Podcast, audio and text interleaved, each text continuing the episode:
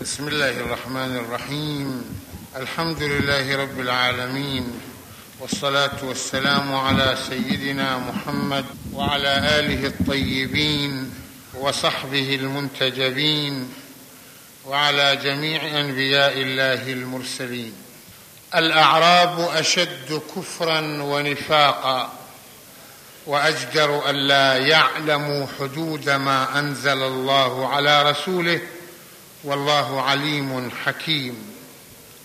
في هذه الآية وما بعدها من الآيات يتحدث الله سبحانه عن منطقة البداوة وهي التي أطلق على سكانها اسم الأعراب. فقد يقال إنه ليس المراد من كلمة الأعراب العرب ولكن المراد من الأعراب هم الذين يسكنون منطقة البدو ولا يملكون علما وثقافة ومعرفة. ومن هنا فإن طبيعة الجهل الذي يتميزون به انطلاقا من بعدهم عن مواقع الحضارة التي هي مواقع العلم والثقافة. إن الجهل الذي يتميزون به يخلق عندهم حالة من العصبية لما يتوارثونه من عقائد ومن عادات ومن تقاليد لأن العصبية نتاج الجهل. فكلما كان المجتمع جاهلا أكثر كلما كان متعصبا لما ينتمي إليه أكثر لأن العصبية تمثل ضيقا من الرأي الآخر. وتمثل حالة نفسية معقدة في كل ما يحيط بها من أفكار تخالفها ولذلك فهي تحاول أن تنغلق على نفسها لتحمي ما عندها من أفكار تحولت إلى جزء من الذات وتحولت إلى حالة ترتبط بالشعور ولا تبقى مجرد حالة في الفكر.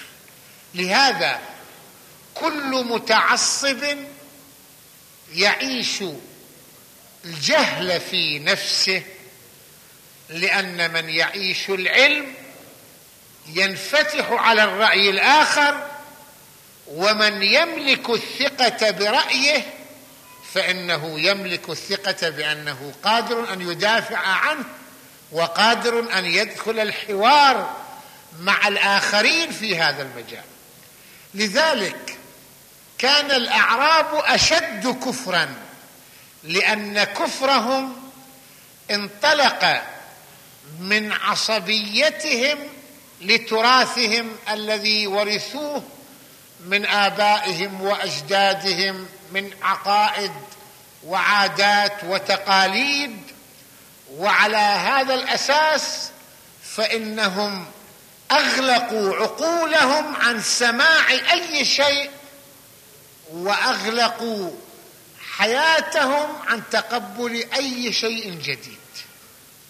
لهذا قال الله سبحانه وتعالى الأعراب أشد كفرا لأن كفرهم يمثل الكفر الجامد القاسي المتعصب الذي يعمل على أساس أن لا يحرك مواقعه في نفسه. بينما كفر الحضر كفر يختلف عن كفر البدو. لأن الذين عاشوا في الحضارة سمعوا الرأي الآخر لأنهم التقوا بمواقع المعرفة والتقوا بمصادر الثقافة وعرفوا أن هناك أكثر من رأي ولهذا عاشوا مجتمعا تلتقي فيه الآراء المتفرقة.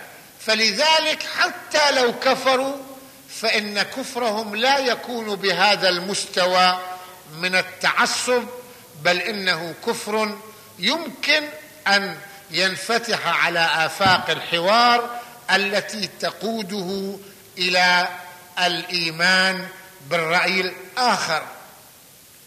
والأعراب أشد نفاقا باعتبار أن هذا الإنسان الذي يحمل كفره في عقله كحالة مقدسة في نفسه.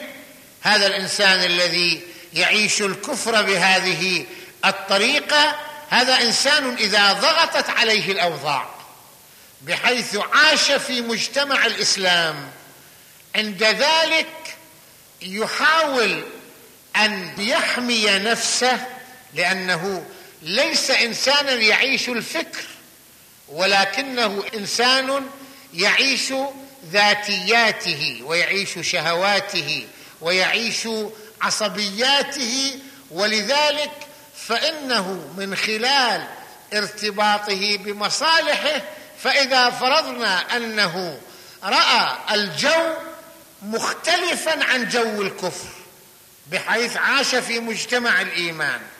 ورأى أنه إذا أعلن كفره فإنه سوف يعرض نفسه لأخطار أو أنه سوف يفقد كثيرا من المصالح. ولذلك فإنه يتحول إلى حالة نفاقية شديدة متقدمة كما كانت حالة كفره حالة كافرة متقدمة.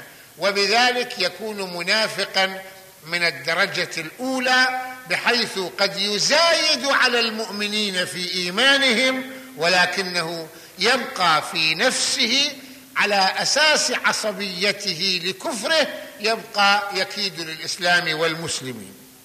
ولذا الله تحدث عن الحالة الطبيعية العامة للأعراب ثم بعد ذلك فصل بعض هذه الحالات كوسائل إيضاح للنماذج الموجودة المنحرفة ثم في نهاية المطاف بين أن من الممكن أن نلتقي ببعض النماذج الطيبة للأعراب.